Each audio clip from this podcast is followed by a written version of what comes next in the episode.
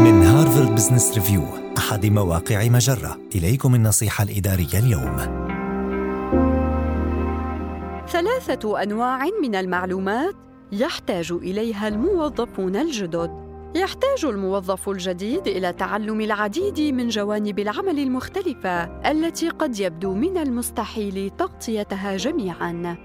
يمكن للمدراء المسؤولين عن عملية إعداد الموظفين الجدد تنظيمها من خلال تقسيم ما يحتاج الشخص إلى تعلمه إلى ثلاث فئات. التعلم التقني معرفة ما يتعلق بمنتجات الشركة وعملائها وتكنولوجياتها وأنظمتها. والتعلم الثقافي يشمل المواقف والمعايير السلوكية والقيم.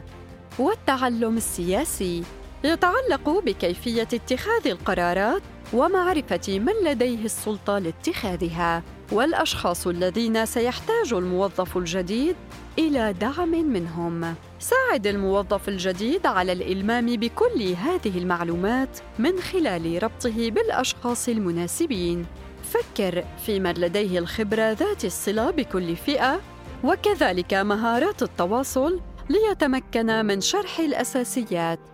على سبيل المثال يمكن لمدير الإنتاج التحدث بالتفصيل عن العملاء والأنظمة وقد يكون كبار القادة على استعداد لتوضيح كيفية اتخاذ القرارات بناء على الصورة الكبيرة. ويمكن أن يكون الموظف الموثوق الذي يعمل في الشركة منذ فترة طويلة مرجعا جيدا للمعايير الثقافية المهمة.